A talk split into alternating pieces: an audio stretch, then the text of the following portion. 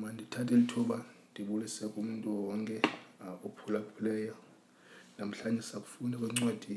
yabasekolose sisafunda kwabasekolose saqala ufunda kuchapter two saqala ufunda kuverse sixteen uyotsho uverse thirty-three kwabasekolose chapter two verse sixteen kuya kuverse twenty-three ibhayibhile lifuneka ngolu hlobo phayana Ah, makungabikho mntu ngoko unigwebayo ngento edliwayo nangento eselwayo nangendawo yomthendeleko nangenyanga ethwasileyo ah, nangesabatha ezi zithunzi zezinto eziza kuza ke sona isiqu sesikaKristu makungabikho namnye unilahlekisayo nomvuzo wenu, ethanda ukwenjenjalo ngokuthobeka kwentliziyo nangokunqula izithunywa zezulu, engena ezintweni angazibonanga, efumana ukukhukhumaliswa yiyo ingqiqo yenyama yakhe. Verse 19. eyingabambe yona intloko ekuphuma kuyo ekuphuma kuyo ukuthi umzimba wonke ukhule ngokukhuliswa kukaThixo encedwa abandaka, abandakanywe ngako konke ukuxhomekeka kwamalungu nemisipha. Verse 20 Ukuba ngoko nafa noKristu nakhululeka kuzo iziqalelo zehlabathi, yini na ukuba ningene ninge nisadla ubomi ngokwehlabathi nimiselwe imimiselo yokuthi musani ukuphatha musani ukuncamla musani ukuchukumisa kanti ezo kanti zonke ezo zinto uh, zezenakaliswa kukudliwa nenza ngokwemithetho neemfundiso zabantu. Okunene ezi zinto ezo ezidunyelwe bubulumko ngokuqula ukuzithandela nangokuthobeka kwentliziyo nangokubandezeleka imizimba kodwa e, kungengabeko yanelisa inyama. Ndicela sicimileni sithandazela kufunda kwelizwi lanamhlanje egameni loyise egameni lonyana egameni lomoya ingcwele nkosi siyabulalela kakhulu ngezinto othe wasenzela zona ah, kule veki siphuma kwenkosi kwenkosi abela kakhulu ngezinto ozothi usenzele zona kule veki sathi siyiqale namhlanje kusekwenkosi ah cela wena nkosi yam ah, lungisa iintliziyo zethu sizakwazi ukuthi zimamele ukuthetha kwakho ngosema ndizokwazi ukuthi zimamele ah, ukuthetha kwelizwi lakho kule ndawo ngosekwe nkosi yam nali lizwi lakho sele lifundiwe nkosi yam kule ndawo namhlanje kubana ngabe ukhona ubani ah, o- o- olapha ah, ophulaphuleyo ungakwaziyo wena nkosi njengenkosi nomsindisi wempilo yakho nkosi yam ndicela nkosi wena ukuthi wena nkosi yam uzumenze nkosi yam afikele kuyazi linyaniso ngaloso layesu kristu amen ah, namhlanje njengoba senditshilo silapha kwincwadi ka incwadi yabasekolose uchapter 2 um ah, siza sifuna uvesi 16 uyotsho kuvesi 23 kwaye ah, inqaku lam lokuqala lithi ah, namanqaku amabini qha namhlanje kwaye inqaku lam lokuqala lithi makungabekho mntu unigwebayo ngokugcina imithetho mangabikho umntu ondigweba ngokugcina imithetho so apho kwakho abantu kweli kweli bandla lasekolose abantu ababegweba abantu basekolose ngemisebenzi yabo ithi ithi ibhayibhile apha kuvesi kuvesi 16 ah, kuba sekolose chapter 2 verse 16 makungabekho mntu ngoko unigwebayo ngento edliwayo nangento eselwayo nangendawo yomthendeleko nangenyanga ethwasileyo nangesabatha so abantu abantu basekolose bebengazigcini imithelo bengayigcini imiyalelo yamayuda so amayuda ayefumana imithetho emininzi kakhulu ngaphandle kwemithetho elishumi amayuda ayinikwe imithetho engaphezulu kwesi-600 kwi-old testament umthetho ngokunikela bebenika umthetho ngokutya bebenika umthetho ngesabatha bebenika umthetho ngomthendeleko so abantu aba bantu begweba abantu basekorente basekorente bebexelela bona ukuba akufunekanga bakufuneka babe kufuneke bakholwe kweso kristu kwaye kwakufuneka bagcine imithetho yamaYuda. Kwaye khumbula into, impilo yakho, impilo yakho, impilo yakho yakwamoya ayixhomekekanga kwizinto izenzo zakho impilo yakho yakwamoya ixhomekanga kwizenzo zakho so abanye abantu bebengena kule cawa ah, bebengeza izinto kwindlela kathixo siniso bebesixuba izinto izinto zesiko labo kunye nezinto zikaThixo sobe besongeza izinto kwindlela kaThixo yosindiso ah, ukubana ngaba besela ukubana ngaba besitya yakho ukubana ngaba bebenikela ukubana ngaba benxiba impahla elungileyo ezaa zinto bezingabenzi abantu abangcwele so aba bantu bebesiba ah, aba bantu begweba abantu basekolose ngemisebenzi yabo bonke abantu wonke umntu unako ukuthi enze ezaa zinto atye ihagu anikele anxibe impahla elungileyo kodwa ezaa zinto azimenzi be ngumntu omngcwele ezaa zinto azimenzi ukuthi abe ngumntwana ongathixo umntana kathixo unako ukuzenza zinto nomntu ongase umntana kathixo unako ukuzenza zinto unako ukugcina imithetho njalo njalo so aba bantu la mayuda ayegweba abantu basekolose ah, ngokuthi bengagcini imithetho yayamayuda kwaye enyanisweni eh, asikwazi ukugcina imithetho yonke kathixo asikwazi ukugcina imithetho yonke kathixo kwaye zikhona iindaba ezilungileyo asizokugwetywa ngokuthi sigcine imithetho. Iindaba ezilungileyo asizogwetywa ngokuthi sigcinwe imithetho. Ingaba imithetho uThixo waye wanikela ntoni amaYuda imithetho? Ingaba kutheni uThixo le nto wayenika amaYuda imithetho okanye ingaba uThixo waye wanikela ntoni amaYuda imithetho yonke? UThixo wayenika amaYuda imithetho yonke ukuze ibe ngabantu abaphilileyo. kodwa ngaphezu kwaloo nto wayenika amayuda imithetho ukuze ibe ngabantu abangaqhelekanga uthixo wayenika amayuda imithetho yonke ukuze ibe ngabantu abahlukileyo kwabanye abantu ah, ithi ibhayibhile kuexodus chapter 19 uverse 5 exodus chapter 19 verse 5 ifuneka ngohlobo ibhayibhile phayana ngoko ke ukuba nithe naluphulaphula ukunene ilizwi lam nawugcina umnqophiso wam noba yindobo kum kwizizwe zonke ukuba ihlabathi lonke lelam ukuba ihlabathi lonke lelam so thixo wayezobonisa ihlabathi ububele bakhe ngabo uthixo wayezobonisa ihlabathi ububele bakhe ngabantu ngamayuda so so le mithetho ngokutya le mithetho ngokusela le mithetho ngokunxiba le mithetho ngokunikela uh, uthixo wawanika amayuda amayuda ukuze kohluke kwabanye abantu wayenika amayuda ukuze bengabantu abahlukileyo khumbula le nto amayuda ayehlala phakathi kwam phakathi kwam kwamayiphutho so kwakufuneka amayuda ohluke ahluke amayuda kumayiphutho kwaye xa ufuna itestamente entsha imithetho yaye yabekwa ecaleni imithetho yaye yayekwa okanye imithetho yaye yabekwa ecaleni ithi ibhayibhile kwabaseroma uchapter 10 uverse 4 ngoba seroma chapter 10 uverse 4 ithi phayana ibhayibhile kuba intsingiselo yomthetho ngukrestu ukuze abo balungisa ukuze abe bubulungisa kubo bonke abakholwayo ndisayiphinda kwakhona la vesi ithi kuba seroma chapter 10 verse 4 kuba intsingiselo yomthetho ngukrestu ukuze ukuze abe bubulungisa kubo bonke abakholwayo ukuze abe bubulungisa kubo bonke abakholwayo so akukho mthetho for thina namhlanje kodwa namhlanje basekhona abantu abafundisa ukugcina imithetho kodwa namhlanje basekhona abantu abafundisa ngemini isabatha abanye abantu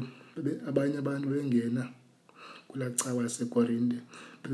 bebefundisa aba bantu ubana ngaba uyesu kristu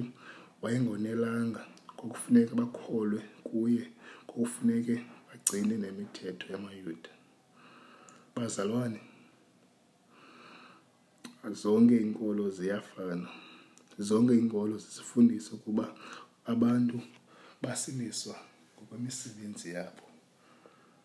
kodwa bona ubukrestu busifundisa enye into ubukrestu busifundisa ukuba abantu basindiswa ngobabalo lukathixo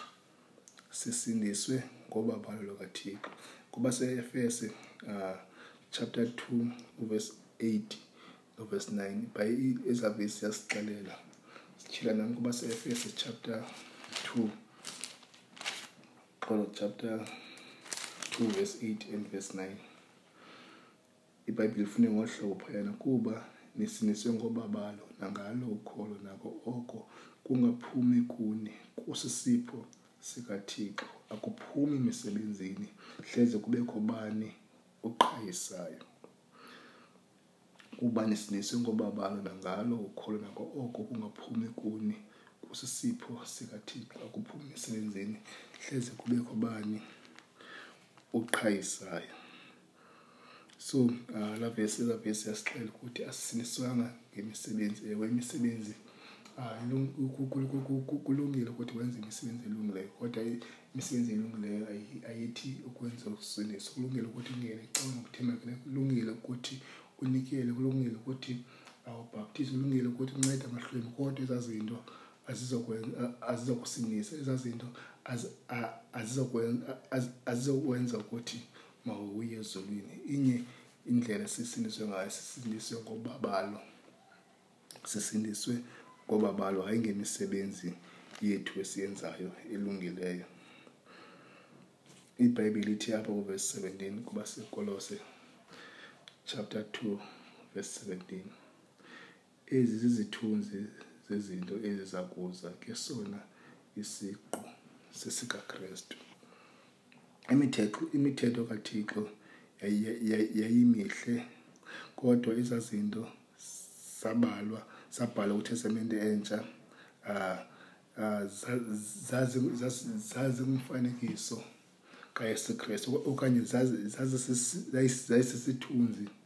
um sika sikaYesu Kristu. Ithi iBhayibhile kuTito, kuTimoti xolo, uTimoti wokuqala chapter kuTimoti wokuqala chapter 1 verse 8. KuTimoti wokuqala chapter 1 verse 8 ithi iBhayibhile phayana siyazi ke ukuba umthetho mhle ukuba umntu uthi awuphathe ngokomthetho. Ithi iBhayibhile iqethela kakuhle ngomthetho kumaGalati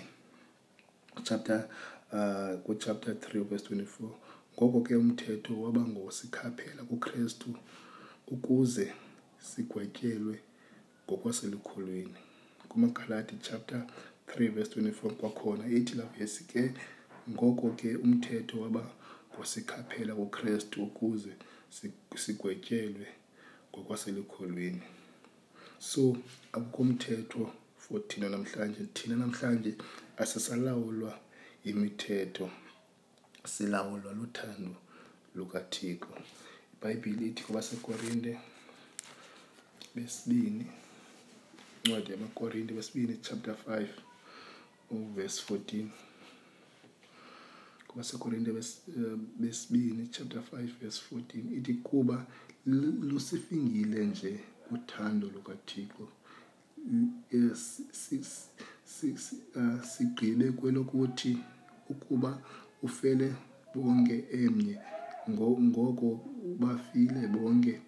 abo lavesi ekuqaleni novesi 40 ithi lusifikile nje uthando lukathixo so namhlanje asalawulwa luthando lukathixo asalawula xolo asalawula ngomthetho kodwa silawulwa luthando lukathixo mhlawumbi namhlanje akusekho mthetho for for thina kwaye namhlanje kwaye ngoku ndinobudlelwane nothixo andisalawulwa andisalawulwa yimithetho ndilawula lothando kwaye ndinobudlelwane nothixo makungabikho mntu unigwebayo ngokugcina imithetho. Inqaku lam lesibini namhlanje lithi makungabikho mntu unigwebayo ngezinto agqithe kuzo yena. Uvesi kubaseKolose chapter 2 verse 18 kuya kuverse 19 ibhayibhile ifuna ngohlobo phela makungabikho namnye unilahlekisayo nomvuzo wenu, ethanda ukwenjenjalo ngokuthobeka kwentliziyo nangokunqula izithunywa zezulu, engena ezintweni angazibonanga, efuma, efumana ukukhukumaliswa yiyo ingqiqo yenyama yakhe. engabambe yona intloko ekuphuma kuyo ukuthi umzimba wonke ukhule ngokukhulisa kukaThixo uncedwa uba ubandakanywa ngako konke ukuxhomekekela kwamalungu nemisipha abanye abantu kula cawe bengena befundisa amakorinte ukuba ngenxa yokuthobeka kwabo ngenxa uh, yokuthubeka kwakho bebegqitha kwizinto ezikhethekeleyo so abantu bebethetha ezaa zinto abantu bebefundisa ezaa zinto besiba umvuzo wabantu base basekorinte besiba umvuzo wabantu basekorinte ngokuthi bathethe ezaa zinto zingela hlobo so uh, kukho umvuzo elusindisweni apha ehlabathini. KuKristu kukho umvuzo, kukho uxolo eNkosini. Kodwa ukuba ukuba ngaba usoloko ucinga ikhona into ongenayo ngenxa yokungathobeki kwakho ngokwaneleyo, loo nto izathi ibe umvuzo wakho akuzoba novuyo kwaye akuzoba naxolo ubana ngaba uzacinga ubana ngaba kukhona into um ubana ngaba uzacinga ubana ngaba ikhona into um enzekayo ngokuthi ngongathobeka kwakho um ngokwaneleyo loo nto leyo izathi ibe umvuzo wakho awuzoba navuyo kwaye awuzoba naxolo bazalwane ah, sigqibelele kuye ukristu ezaa zinto zizokuba umvuzo wakho kodwa xa uqonda ngubani wena xa uqondisisa ungubani uthixo xa uqondisisa ubabalwa lwakhe uzoba nomvuzo kwaye uzoba novuyo enkosini aba bantu babethetha ngela hlobo bebengamqondi uyesu kristu kwaye uthi upawulos xa ethetha ngabo apha kovesi 19 um ah, uthi phayena upawulosi kovesi 19 engabambe yona intloko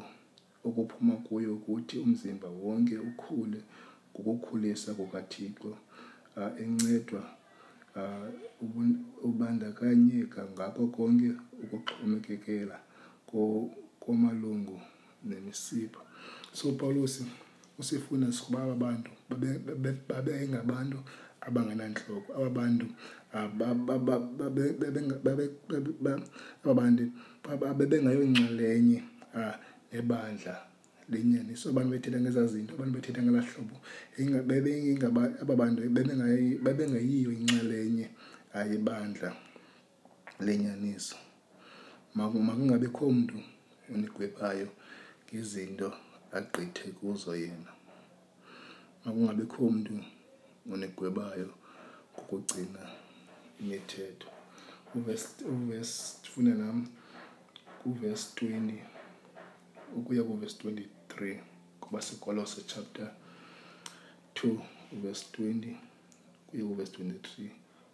ibhayibhile ifune ngolu hlobo and kuba ngoko nafa nokristu nakhululeka kuzo iziqalelo zehlabathi yini na ukuba ninge nisidla ubomi ngokwehlabathi nimiselwe imimiselo yokuthi musani ukuphatha musani ukuncamla musani ukuchumisa kanti zonke ezi e, zinto zezanakaliswa kukudlwa nenza ngokumthetho neemfundiso zabantu okunene zizinto ezo ezidunyelwa bubulumko ngokunqula uzithandelayo nangokuthobeka kwentliziyo nangokubandezelela umzimba kodwa kungengambeko yanelisa unyama. Pawulos apho sifundisa uh, Pawulos awufundisa abazukulwana bakhe ukuba ezazinto zonke zinembonakalo okungathi zinobulumko kwaye azizizizo kunqulwa kodwa ezazinto enyanisweni azinamsebenzi ezazinto azinamandla ukoyisa inyama aba bantu babeklima ukugcina imithetho kwaye bebegweba ngemithetho kodwa abantu bebelawulwa yinyama aba bantu babeklima izinto ezikhethekileyo ngenxa yothobeka kwabo kwaye bebegweba ngezaa zinto bebegqithe kuzo bona aba bantu bebelawulwa yinyama bazalwane uyesu krestu wanele ugqibelele kuYesu Kristu ukuba umntu ukugweba ngezaa zinto akaqondi ukuba ngubani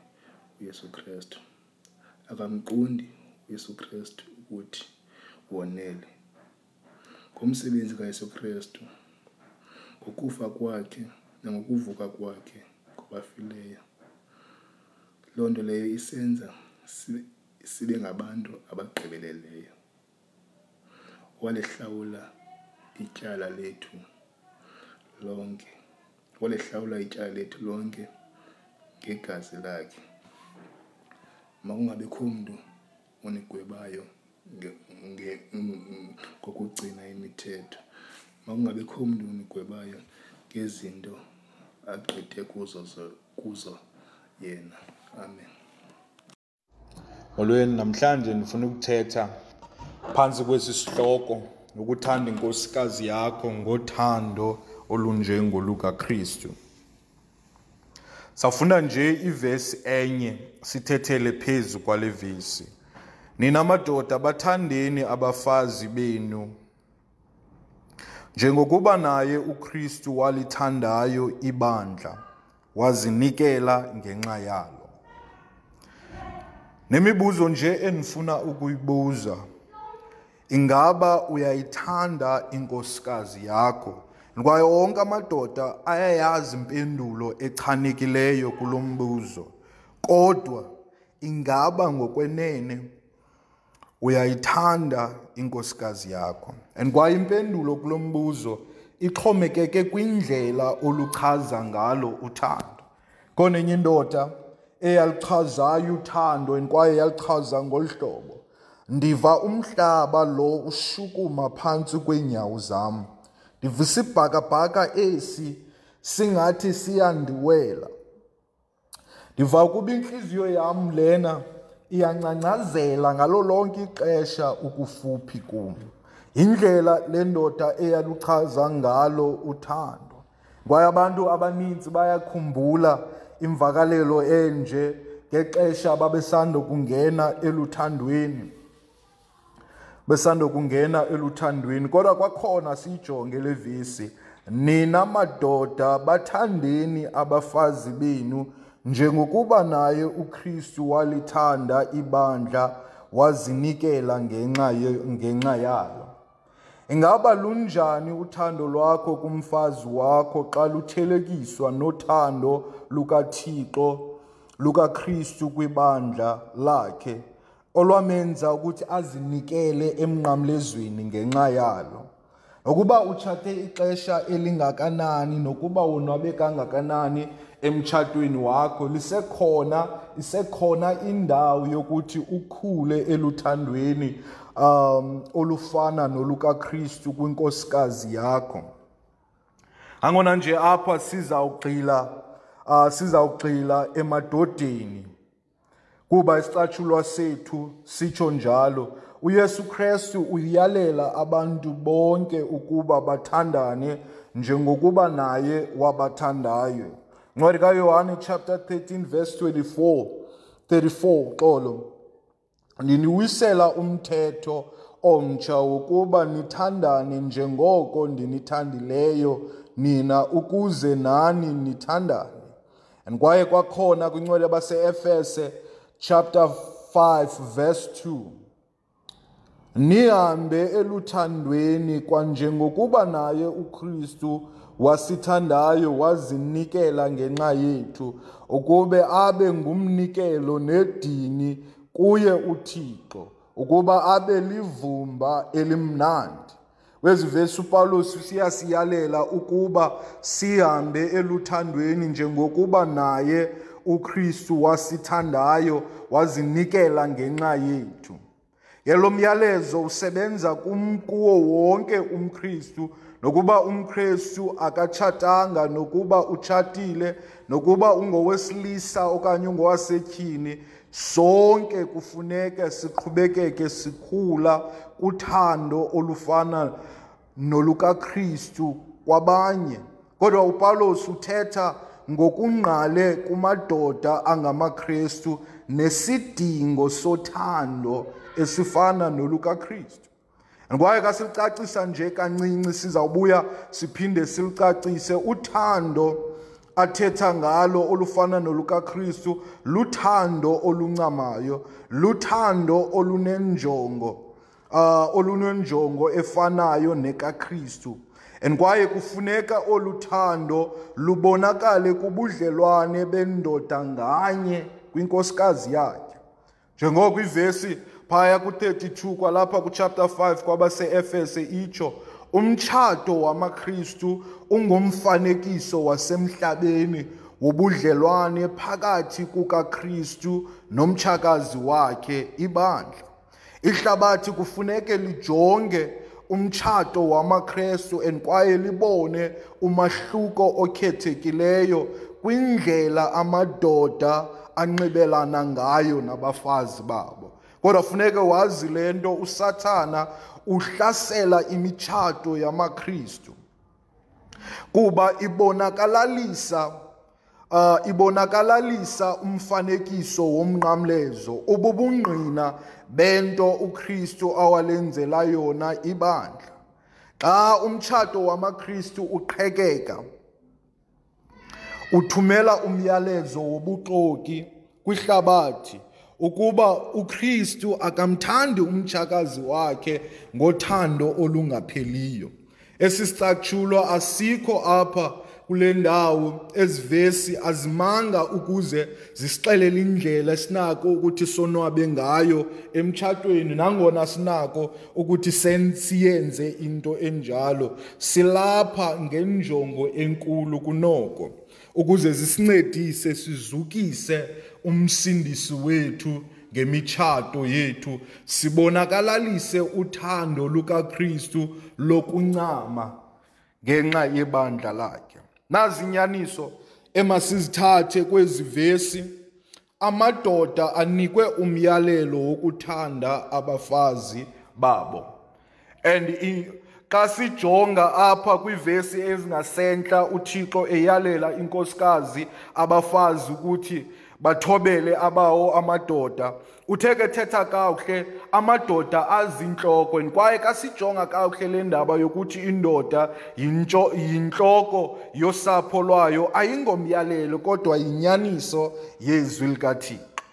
Kodwa amadoda amaninzi bacimba ngelona xanduva lwabo luphambili ukuba bakhokhele babezintloko kumakhaya abo. and abanye batsho bathi silandela upawulos kodwa bazalwane ngelo xesha ili uh, iluxanduva lwethu olunzulu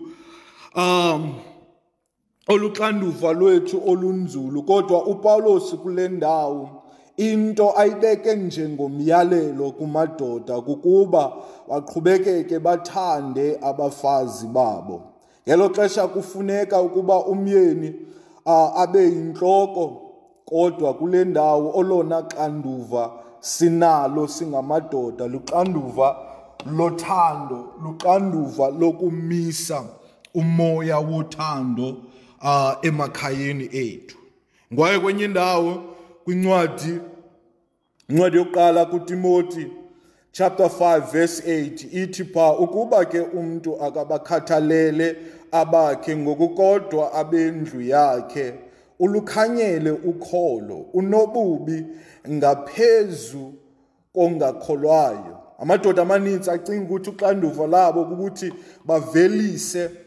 Ah, babonelele amakhaya abo ukuze aphile ngobutyebi kunye nabantwana babo bathi iiyure ezininzi abazichithayo besebenza zibonakalalisa uthando lwabo uh, kwiintsapho zabo kodwa inyani kukuba uninzi lwamadoda lufumana kulula ukunika abafazi nabantwana babo izinto kunokuba bachithe ixesha nabo uh, okanye bakhe ubuhlobo obusondelene obusondeleyo uh, nothando kubo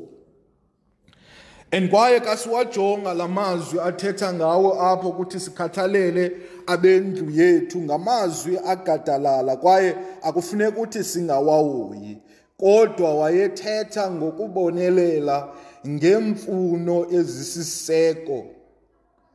ayizizo zonke izinto ezithi ihlabathi siyazidinga ukuze sonwabe ukuze sonwabe wayithetha ukuthi sivelise uh, sibonelele ngezinto ezisidingayo esizidingayo ukuze siphile ukuba intloko ukubonelela ayingomyalelo esiwunikeweyo ingakumbi kwesi Uh, kwesi sicatshulwa sisifundileyo eyona nto siyinikwe kuthiwa masiyenze ephambili eyintloko uh, kuthi madoda kukuthi sithande abafazi bethu so sibonile ukuthi amadoda ayalela ukuthi athande abafazi babo and okwesibini into esiyibonayo apha inyaniso esiyifumanayo ukuthi amadoda anako ukubathanda abafazi bakho abafazi babo kukho izizathu ezimbini zokuba nangona kunzima ukuthanda uh, nangona kunzima ukuthanda uthando lunako ukuthi lwenzeke uthando lunokwenzeka kuba luyalelwe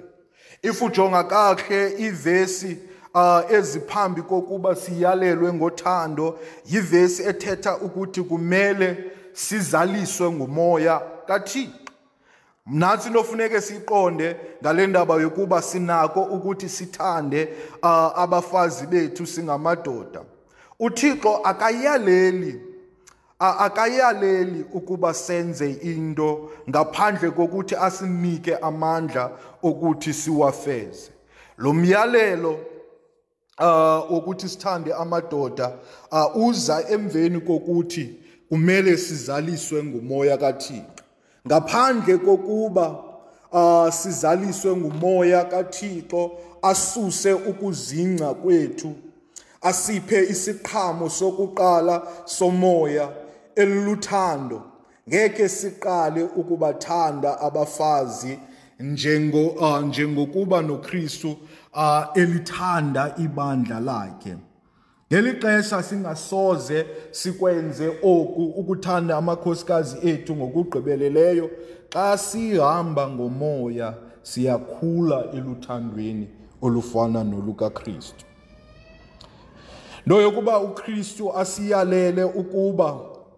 Sithande abafazi bethu ikwathetha ukuba isingxengxezo sokuba bendimthanda kodwa andisamthandi asamkelekanga.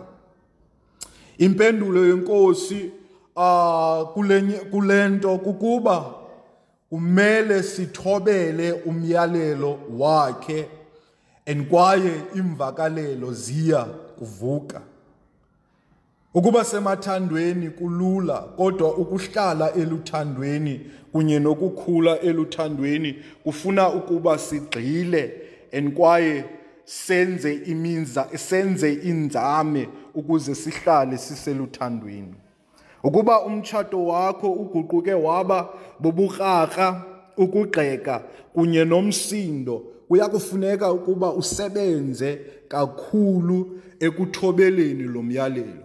Kodwa into yokuba uThixo ayalele oku kuthetha ukuba kunako ukuthi kwenzeke indoda imthande ithande inkosikazi yakhe lona ngumba wokuthobela wokuthobela umyalelo kaThixo and kwaye okwesibini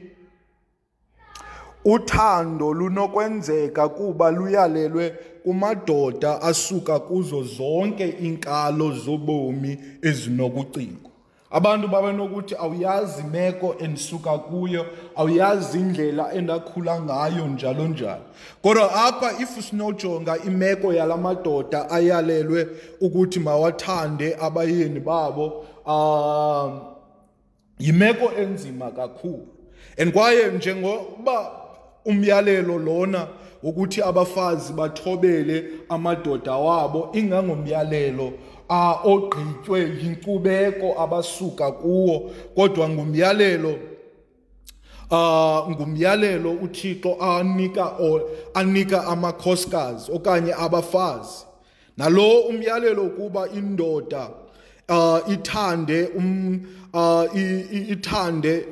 inkosikazi yawo unikwe amadoda onke angamaKristu unikwe amadoda onke angamaKristu amadoda amaninzi kweli bandla laseEfese asindiswa kubuhedeni Ubuninzi babo babe babekhe baye kule tempile yayikhona kwesi sixeko kaDayena isithixokazi samaEfese apho ubuyenyu bamadoda kunye nabafazi babuyinxalenye yokunqula uh, yokunqula lo Thixo and yiyo loo nto uthixo wanika uh, yiyo loo nto upawulos wayenika la madoda lo myalelo aseefese kungenxa yale nto ekade isenzeka wayesithi nina kumele nibe ngumahluko nithande amakhosikazi enu ngendlela uthixo awalithanda ngayo ukristu walithanda ngalo ibandla ngaphandle koko uninzi lwala madoda um imitshato awayenayo yimitshato eyalungiswayo ngabazali bawo eyalungiswa ngabazali babo and kwaye nantsi indlela la madoda awayecinga ngayo ngomtshato Uthi omnye umbhali ke cacisa uthi wayecinga ngolu hlobo ngomtshato. Sigcina amankazana ukuze asonwabise nje amashweshwe ukwanelisa imfuno zemihla ngemihla kodwa sinabafazi ukuba bazale abantwana ngokusemthethweni umgcini othembekileyo wamakhaya ethu so siyabona indaba yo, yo, yo, yabafazi yayiyindaba engenanto yokwenza nothando kodwa kule ndawo amakristu ayalelwa uh, ngendlela eyahlukeneyo ngendlela abantu ababecinga nayo ababecinga ngayo Ngokuchasene nale meko yobuhedeni, imbono yobuKristu ngokubhekise kubungcwele bomtshato kunye noxanduva lwendoda kukuzinikela ngokukodwa kumfazi wayo kubomi bayo bonke. Uthando olufana nolukaKristu luthando olunqilima. Luthando olungaqhelekanga, kodwa eyona nto ndiyithethayo kukuba nasemtshatweni apho umyeni ebengathembekanga okanye inkosikazi ingathembekanga uh, ingathembekanga apho uthando lwendoda uh, luye lwaphola kunokwenzeka ngokuthobela ilizwi likaThixo ukuguqula ubudlelwane bomtshato ukuze kuhlonele uThixo uh ukuze kungahloneli Thixo kuphela kodwa inelise amaqabane uh umfazi kunye nendoda ngwaye kwesithathu xa sinika ingcaciso yokuba uthando yintoni uthando kukuzincama ukukhathalela ukuzibophelela okuzibonakalisa ekufuneni okona kulungileyo kulowo umthandayo kukuzinikela okunenjongo Kwaye ukuyiphuhlisa le ngcaciso sizawujonga kwisicatshulwa sethu ukuthi zonke ezi zinto sithetha ngazo apha zizinto ezisuka kwisicatshulwa and kwaye nakwezinye indawo uh, indlela uthixo abonikisa ngalo uthando lwakhe kuthi abonisa ngalo uthando kuthi so okokuqala uthando kukuzincama ukuzinikela verse 25 kwalapha kuchapter 5 njengokuba naye ukristu walithanda ibandla wazinikela ngenxa yalo and kwaye kwesibini uthando luyakhathala kuba akukho namnye wakho wayithiya eyakhe inyama usuka ayondle ayigcine njengokuba naye uh, njengokuba naye inkosi ilenje njalo ibandla Uthando kukuzibophelela njengoko kucaciswa ngomyalezo wothando uh, ngomyalezo ngomyalelo wothando ngothando lomnqophiso kaKristu ngathi okufana ngothando umnqophiso kaThixo ngathi Uthando luyazibonakalalisa oko kuthi hayi ngamazwi kodwa ngezenzo. And kwaye oku kubonakalalisiwe kuKristu ngexesha esiya eyokufa emnqamlezweni. Uthando lufuna okona kulungileyo kulowo umthandayo. Ithi iBhayibhile ka ithetha apha kwabaseEfese 26 uya phaa ku-7 ukuze alingcwalise alihlambulule ngokuhlamba kwamazwi uh, ngelizwi ukuze alimise phambi kwakhe linobuqaqawuli lilibandla elingenabala elingenamibibi nayo into enjalo ukuze libe ngcwele lingabi nasiphako. Kubalulekile ukuba sisuse engqondweni zethu imifanekiso yefilimu um apho babonisa uthando njengento yomtsalane wesondo into ekubetha njengomkhuhlane um kodwa kwiyilo likathixo indaba yomtsalane wesondo xa kusiza emtshatweni kumele kube njalo um ukuba isibini abantu abathanda abathi bayathandana abanawo umtsalana ongolu hlobo andibacebisi ukuba batshate ukuba batshate Kufuneka siqonde ukuba lunjani uthando olufana nolukaKristu. Ngifuna ukuphonononga esi sicatshulwa nzulu Ndibonise umahluko ocacisa ukuba lunjani uthando lweBhayibhile, ingakumbi ukuthanda indoda indlela ekumele ithande ngayo inkosikazi yayo ngokweBhayibhile. Verse 25 uthando kukuzincama aluzicingeli aluzingci ukristu walithanda ibandla wazinikela ngenxa yalo pha kuvesi 5 ukristu ngumzekelo wethu akakhange ahlale etroneni yakhe kwaye anike imiyalelo kuthi ehlabathini ngendleko zakhe buqu Ngendleko zakhe buqu waye washiya lonke ilungelo lakhe ezulwini, ilungelo lakhe lobuthixo. Wathatha inyama yomntu wazithoba waba ngolulamileyo wada wasa ekufeni ukufa ke kwasemnqamlezweni apho wathwala ingqumbo kaThixo ngenxa yethu. Njengoko esitsho enye imvumi, uthando olumangazayo. Inokwenzeka njani into yokuba wena Thixo wam ungandifela? and kwaye xa sesiqhubekeka nale ndoda nalena nale nale ngcinga yokufela amadoda amaninzi ayakwazi ukuthi ndingamfela inkosikazi yam ndingalwa uh, ndide ndife ukukhusela inkosikazi and kwaye loo nto ilungile kwaye ndiyathemba ungenjenjalo kodwa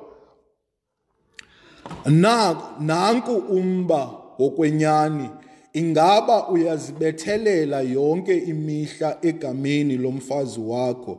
ingaba ujulise ukusebenzisa yena ukuhlangabezana neemfuno zakho uh, neemfuno zakho qha okanye ubekela bucala iminqweno yakho ah yokuzingca ukuhlangabezana neemfuno zenkosikazi yakho omnye umcacisi webhayibhile uthi xa ethetha ngale ndaba yokuzingca um oyena nobangela wokusilela emtshatweni kukuhlala ikukuzicingela ukukuzingca Le nto inendaba yokuba yonke into ingam, yonke into ingam. And le ndaba yokuba kukuncama emtshatweni nabafazi kufuneke baziqhelise ukuthi bancame ngenxa yendoda yakhe. Kuba onke amaKristu umele ukuthi athandane. Kodwa umyalelo wompostile apha emadodeni wokuba sithande abafazi bethu ngokuncama njengoko uKristu uh, walithandayo ibandla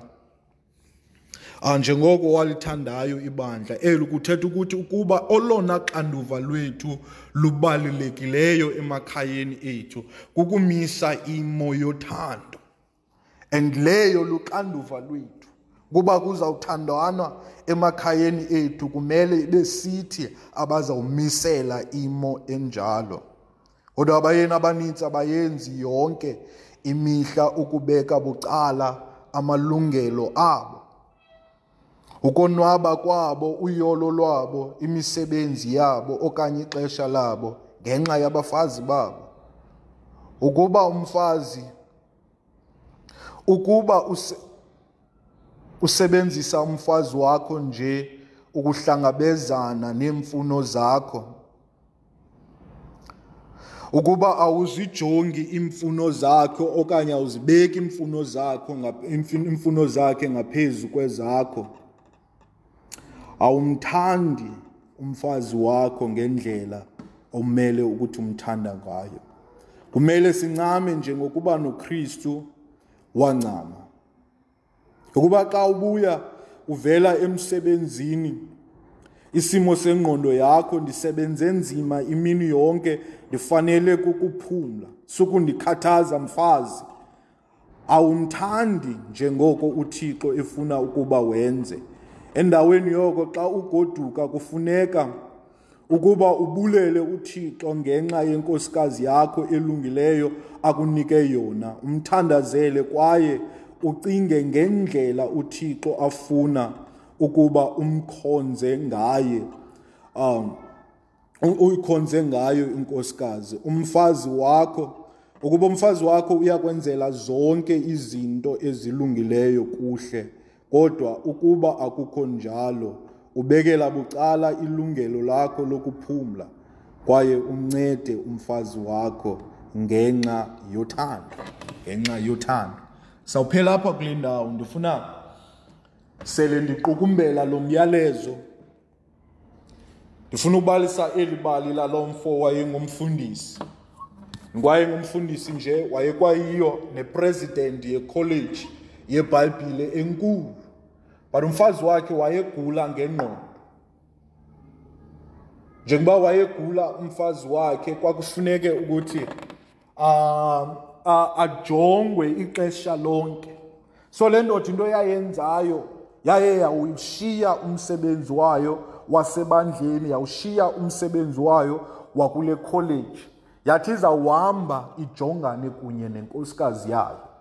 into eyenzekayo apha Kwesi sixeko abantu bathe bova eli bali lalo mfundisi bahamba bayovuselela ize uh, bayovuselela izethembiso zabo zomtshato uh, abantu beqala ukuthanda abafazi babo ngendlela engumahluko ngenxa yobungqina yo bale ndoda but le ndoda yona yayingaqondi ukuba kutheni abantu besenza ngolu hlobo wade waya komnye ugqirha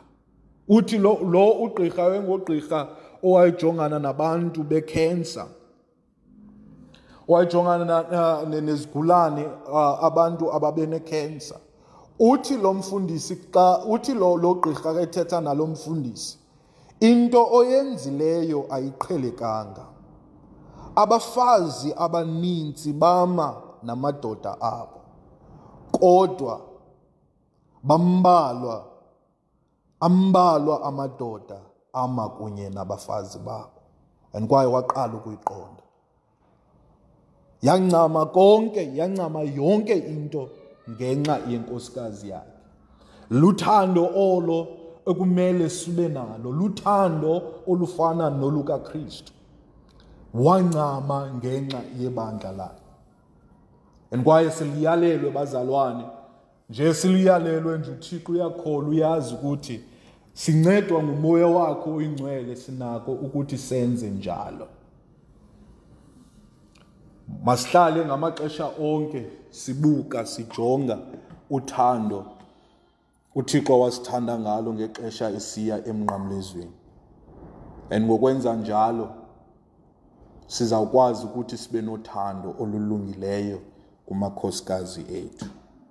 nkosi khe ndizibulisele kuwe wena mntu omameleyo ndithi inkosi kakhulu ngale nxaxheba uthe wayithatha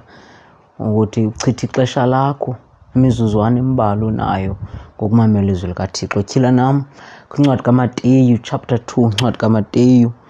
Isahluko sesesibini ivesi yeyokuqala kuyotsho kwivesi yeshumi elinesibini vesi 1 uyotsho kwivesi 12 kodwa safunda uvesi 1 ezinye sazifunda sele sihamba ithi kuvesi 1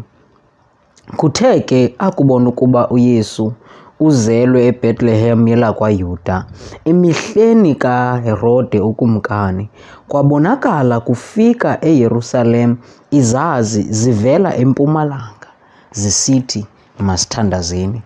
bawo simakade nalizwi lakho yehova lona kumkani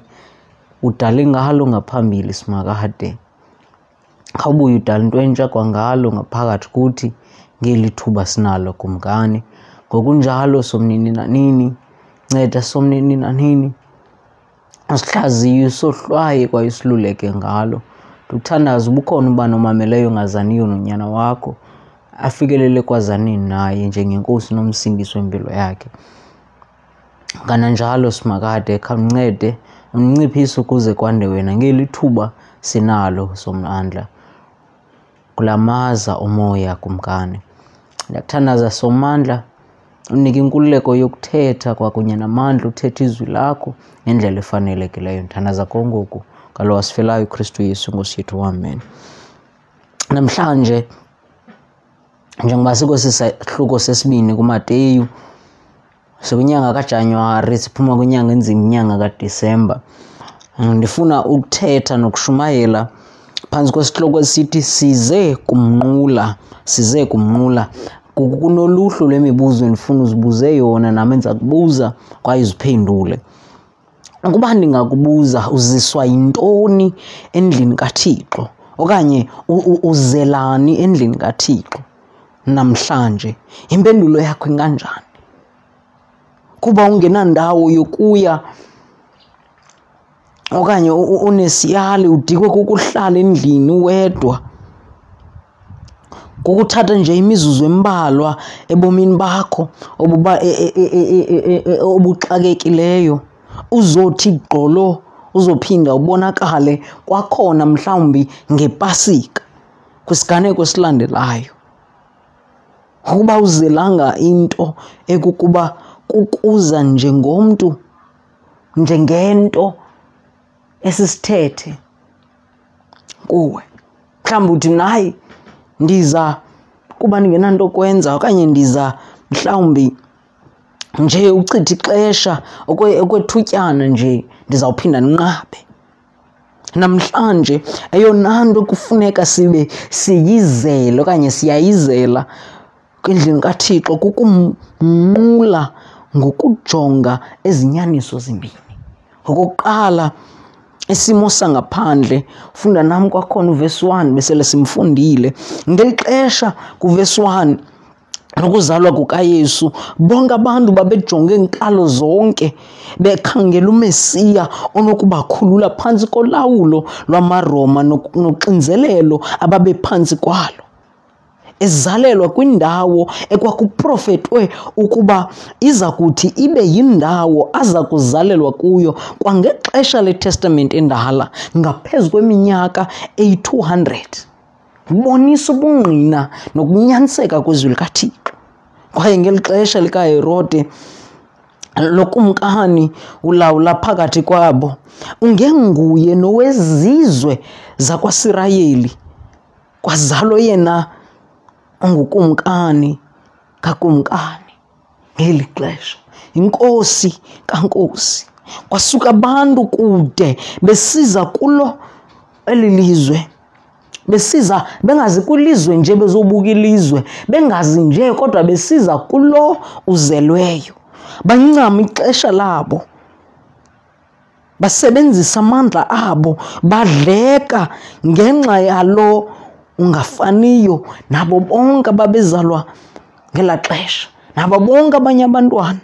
ababezawuzalwa nabazalwayo ngela xesha linye naye. Besiza kuThixo wamazulu, lowo ebekho, ukho, uzayo. funda nam kuvesi 6 hithi kuvesi 6 nawe bhetelehem mhlaba wakwayuda akunguye nakanye omncinanana phakathi kwabalawuli bakwayuda kuba kuwe apha kuya kuphuma umlawuli onguyena uya kubalusa abantu bam amasirayeli ngokwesisiprofeto sikamika kuzo zonke ezinye iindawo ezazikho ngeli xesha akukho nokuba ibenye engenye indawo abe nokuthi umariya abelekele kuyo ingeyiyo le uthixo wasebenzisa lo mprofeti ukuba aprofete ngayo ngokubonisa igunya nokunyaniseka kwalo kwaye olwakhe ulawulo lolona siludingayo. Incwadi yesibini yokumkani chapter 5 verse 9. Incwadi yesibini yokumkani chapter 5 verse 9 ithi weza uNahaman namahashe akhe neenqwelo zakhe wamisa emnyango endlwini kaElisha. Naman akube neqhenqe kule ndawo waye wahamba umgama omde esuka kwisizwe sakhe weza kwaSirayeli ukuze aphiliswe afumane uncedo ngenxa yokuba evile nguThixo kaSirayeli nohlangulo lwakhe akube ethe waphila ubuya azukise lo Thixo. buyela nam kwitext yethu funde nam uvesi 2 ithi kuvesi 2 uphi nalo uzelweyo ukumkani wamayuda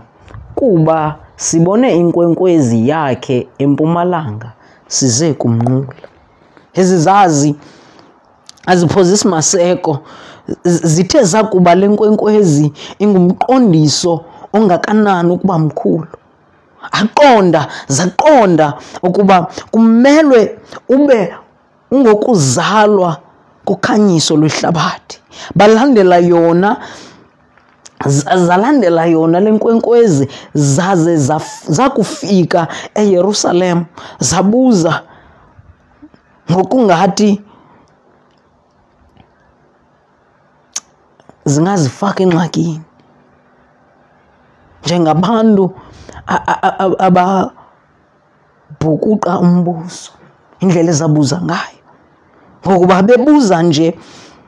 okanye zibuza nje zazi ngokumkani wamayuda lilonke zazisithi lo herode asimboni njengowona kumkani kwaye a- a- azalinda nokuba zibuzwe ukuba ziza kumthini ngokuba zayibeka ngokucacileyo ukuba zazizokumnqula njengalowo ufanele luzuko nembeko lo ukumkani zizele yena hayi uherode lo ncwadi kayohane chapter 4 verse 23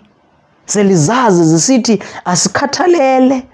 ngoba siyazi kunokumkani wenyaniso e ukhona lo kumkani nimnqulayo nina ukhona lo kumkani nikhothama kuye kodwa yena kumkani ngulosizele yena Ncwadi kaYohane chapter 4 verse 23 ithi kodwa kuza ilixa nangokuselikho xa abanquli abayinyaniso baya kumnqula ubawo ngomoya nangenyaniso kuba ubawo ufuna abanjalo ukumnqula. Ukumnqula uThixo kuthatha ukuba uqale umazi ukuba unguThixo wenyaniso ube nokuza umkhonze ngokwenyaniso nokunyaniseka kwentliziyo eqhutywa ngumoya oyingcwele ungenako ukwazana noThixo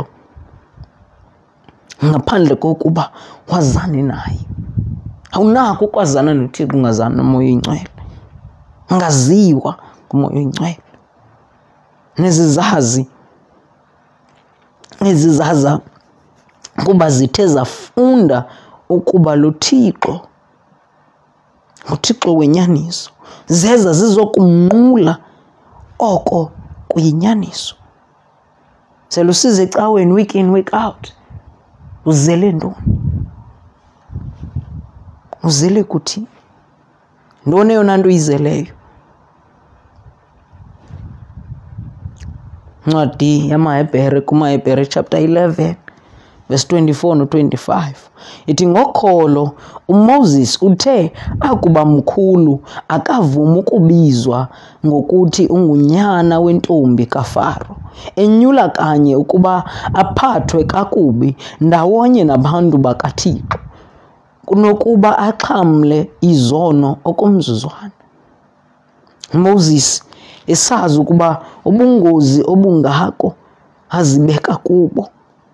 ukuthi aziyamanise nosirayeli endaweni yokuba aziwe njengomyiphutha njengoko ebesaziwa njalo wakhetha kubava ubuhlungu nabo bangabantwana bakathixo kananjalo nezizazi kule nto yokuba zikhangela ukumkani ngukumkani wokwenene zazizibeka emchengeni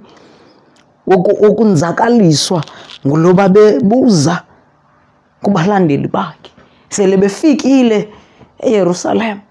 bebuza kwaba bantu zazingathi ezo ndaba zawufika kukumkani uba kukho abantu abafunisa ngokumkani ongenguwe abone loo nto as a threat ababulale kodwa zange boyike babeka um, ubomi babo esichengeni funda nam uvesi 3 novesi 4 kwisimo sangaphandle ukuba uze kumnqula nasi isimo sakho sangaphandle vesi 3 uthe ke uherode ukumkani akuva wakhathazeka yena nayo yonke iyerusalem naye Verse 4 Wahlanganisa ke bonke ababingeleli abakhulu nababhali babantu wababuza ukuba ubeya kuzalelwa phi na uKristu. Le mibuzo inokungoyiki ithe yakufikelela ezindlebeni zalo kumkani ulawula amaYuda ngeli xesha nesixeko sonke ngabo baye bathi abantu bafuna unya kusivi kuviwa ngalo ngaba bantu ngezizazi zifunisa ngonyana kathixo wavuka lixhala ukumkani kunye nabo babe naye wabhideka ngokuba engazi okona kuza kuthi kwehle ecingela ukuba ukuzuza kwakhe Obu bukumkani buza kuphela ngokulawula kwalo kufundiswa ngaye, bengaqondi nokona kuza kuthi kwenzeke kubo abo baseYerusalem. Nangona babefuna utshintsho, babengalulindelanga. Wafuna ukwazi ukumkani ukuba konke oku kuza kwenzeka phi. Ngokuba size kum size kunqula iNkosi enguYesu Kristu. Akufuneki sibe ngabantu nje kodwa kumelwe kuthi siphuma sizokuhlangana endlini kaThixo. Sorry kucace nakwabo sihlala nabo bangavi kamnandi bakhathazeke ngenxa yokuba siza kubuya si- siyithanda kwaye sinikele konke kuyo ngakumbi kunakuqala mtyholi angonwabi needemoni zakhe ngokumphilela nokumnqula kwethu ngoba ukuza kwazo ezi zazo zizonqula inkosi yokwenene zizonqula uthixo wathi wazinxibisa inyama wazezantsi emhlabeni wapenika ukumkani owayekho ngeli xesha wapenika nabantu ekuhlaleni banexhala ngaba wena xa uphuma uye unqula uthixo abantu babanexhala okanye baye bafuna ukukhapha ngelithi siyazi akho nto izawukwenzeka akho tshintsho akukho nento yokuba athi umntu uzawucima nelo cuba xa ebona wena abe nexhala azimelise kwanto okanye baye bakubulise kube mandi ngathi awungomzalwane awuphumi ke unqula uthixo funda nam uvesi 5 kunye novesi 6 ithi kuvesi 5 bathe ke kuye ebhetlehem yelakwayuda kuba kubhaliwe ngomprofeti kwathiwa nawe bhetlehem mhlaba wakwayuda akunguye nakanye omncinanana phakathi kwabalula kwabalawuli bakwaYuda, kuba kuwe apha kuya kuphuma umlawuli onguyena uya kubalusa abantu bam amaSirayeli. Abo wayebuza kubo ukumkani uHerode efuna ukuqinisekisa le nto ezizazi zaziyizele ukuba inabunyani buni na Bamphendula ngelithi kunesibhalo esiyichaza ngokungcono kunokuba sinako thina. Ilizwi likaThixo lalikhe latyhila, layityhila le nto. Kwaye impendulo yabo yavela kwizwi likaThixo, ingavelanga ndawo yimbi. Nokubonisa kwakhona amandla elizwi likaThixo. kila nangu harka petros eyo kuqala chapter 3 verse 50 ithi inkosi ke uthixo yingcwaliseni ezintliziyweni zenu nihlale ke nikulungele ukuziphendulela kumntu wonke obuzayo kuni ilizwi ngalo ithemba elingaphakathi kwenu nobulali noloyiko ekuzeni kwethu kumnqula kwisimo sangaphandle makube lula ukubonisa umntu ngokwezwi isizathu sethemba nokholo lwethu okona kusiqhubela ekulandeleni le nkosi verse 7 no verse 8 ithi kuverse 7 kwakuba njalo uherode ezibize ngasese izazi ezo waqondisisa kakuhle kuzo ixesha lokubonakala kwenkwenkwezi leyo wazithuma ke ebhetlehem wathi hambani niye nicokise ukubuzisa ngomntwana lowo.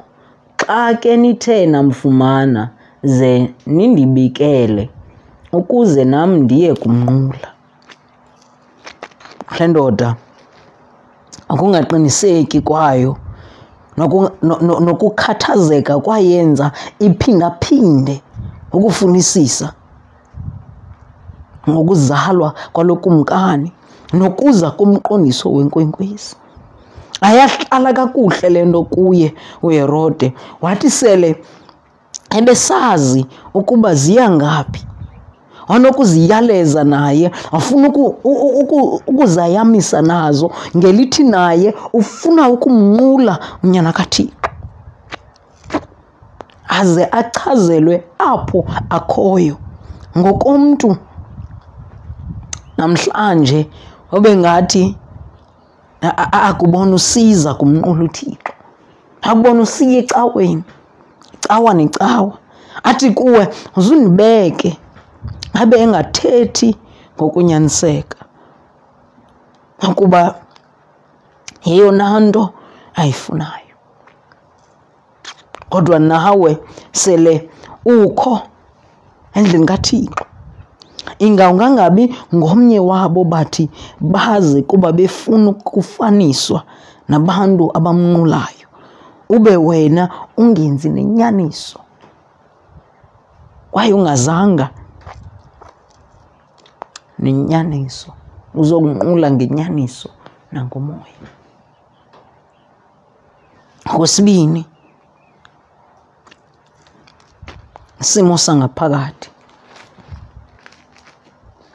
Isimo sangaphakathi funda nam uvesi 9. Zimvile ke zona ukumkani zahamba Nantso inkwenkwezi leyo zayibona zayibonayo empumalanga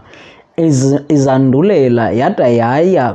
kuma phezu kwendawo abekuyo umntwana njengokuba besibonile kwisimo sangaphandle ukuba ukumkani lo wayenga- wayengaqinisekanga ngenkwenkwezi eyayibonwe zizizazi zona zithi zakuba zivu- ziwu- vile umyalelo kaThixo ngokubona le nkwenkwezi empumalanga zayibona ngendlela uThixo athe wazibonisa intando yakhe zenza oko kulindelekileyo njen- njengathi asimelwanga ngokuthandabuza sakuba sisiva ukuthetha kukaThixo senze kanye oko sihambe njengoko zahambayo nokuba zazithe zabanjezelwa okomzuzwana ngolokumkani kodwa zabuya zalandela ukukhokelwa yile nkwenkwezi ibakhokelela kanye kule ndawo kwakwedingeka ukuba babe kuyo aba bantu nawe wakuva izwi likathixo akumelwanga uhlale ndawoninye enza ngokokuthetha kwalo ukuze ube nako ukukhula ngokomoya ngabi kulaa ndawo ubukuyo ngoba usando kwamkela uyesu kulo nonyaka ncwadi yeexodosi chapter 13 verse 21 ithi uyehova wahamba phambi kwabo ngomqulu welifu emini ebakhokelela ngendlela ngomqulu womlilo ebusuku, ebakhanyisela ukuze bahambe imini nobusuku. UMoses wayengenako ukumkhokhela intlango uSirayeli ngokwakhe ngoba nguThixo owayeyazi indlela. ababefanelwe kuyihamba moses wayengayazi kodwa ukuze bafike apho babesingise khona kwakumele bakhokhelwe nguthixo yiyo loo nto babekhokhelwa nguthixo yiyo loo nto bakwazi ukuyofika ngoba babekhokhelwa nguthixo ngokunjalo nezi zazi zizawufika nje kule ndawo kufanele fanele uzinqule khona kungenxa yokuba sazilandela ukukhokelwa nguthixo ngale nkwenkwezi ncwadi kayohane chapter 16 verse 13 ngithi xa ke athe wafika yena umoya wenyaniso uya kunikhokelela kuyo yonke inyaniso kuba engayi kuthetha okuphuma kuye uya kuthetha izinto athe waziva anibikele izinto ezizayo ngaphakathi kwabo bonke abakholwayo kuYesu Kristu kunomoya kaThixo ohlala ngenjongo yokuba asikhokelele kuyo yonke inyaniso engqina ngalowo uyinkosi nomsindisi wempilo zethu othi asohlwaye asiluleke ngako ukungalungisi kwethu engulowo kufuneka singamcimi koko simthobele nokukhokela kwakhe verse 10 zathi ke zakuyibona inkwenkwezi zavuya ngovuyo olukhulu kakhulu zakuba zilandela le nkwenkwezi zithi zakufika apho zibona ukuba ngokumile zifikile kulowo ebibakhokelela kuye uyinkosi yokwenene yamayuda kwenzeka into engummangaliso ziye zivuye ngendlela engen- engenambo- endingenambono wayo kungahle zazilila Zikonana zixhumaxhuma zibulela ngokuba zazivuya ngapha kovuyo nolonwabo lwanamhlanje oluthi lubangwe ziziganeko zomzuzwana ezibuya ziphele kodwa ezi zazi zazivuyiswa zikwavuyela lowo ngonaphakade ncwadi yabasefilipi chapter 4 verse 4 Ndithi vuyani enkosini amaxesha onke. Ndiyaphinda ndithi vuyani. Kule ndawo ubani ongcono ubengasixelela ngokuthi sivuye enkosini ngaphezu kwalowo usentolongweni. Okweyona ndawo kungekho nto ibingakonwabisa nenokuvuyisa ingenguye uYesu Kristu. Lo izazi zathi zavuyiswa kakhulu nguye. Lowo ungenako ukusidanisa, ingenako ukuzidanisa nokuzishiya ngamaxesha obubi nobunzima. Katika Habakuki chapter 3 verse 18 ithi mna ke ndiyakudlamka ndikuyehova ndigcobe ndikuthixo umsindisi wam wabhakuki abengazivuyisa ngako konke okunye agcobe ngezinto abantu bonke abazigcobisa ngazo kodwa yena wakhetha uyehova uthixo wakhe nezazi ngokuzalwa kwenkosi zenjenjalo wena uvuyiswa yintoni verse 11 zingenile Endlwini zambona umntwana enoMariya unina, zawa phantsi zaqubuda kuye, zathi zinqike impahla yazo zanikela kuye iminikelo, igolide nentlaka emhlophe nemore. Zanikela kuye. Ekungeneni kwazo kule ndawo abekuyo ukumkani kakumkani. ekunye nonina zandule zenze kanye le nto bezithe kukumkani ongenguye ukumkani ziza kuyenza into esingafunda kuyo kuba xa uthe into uza kuyenza yenza ukuze ungazoba ngumntu ongenanyaniso Zanqula zibe zinovuyo kuba bezize ngenjongo ekukuba zize kunqula zeza zavula itasi zazo zanikela ngokuncamisayo ngokuba zanikela ngoko kubukeka ngathi kokwexabiso kulowo bathi bazokumnqula njengoko banikela ngegolide intlaka emhlophe nemore ingathina singavula iintliziyo zethu sinikele ngazo nako konke kunexabiso kuthi sikunikele kuyesu kristu sikunikele kukristu ithi kuncwadi esibini kwabasekorinte chapter 9 verse 7 elowo makanike njengoko agqibe ngako entliziyweni makungabi kokuphuma kabuhlungu nangokunyanzelwa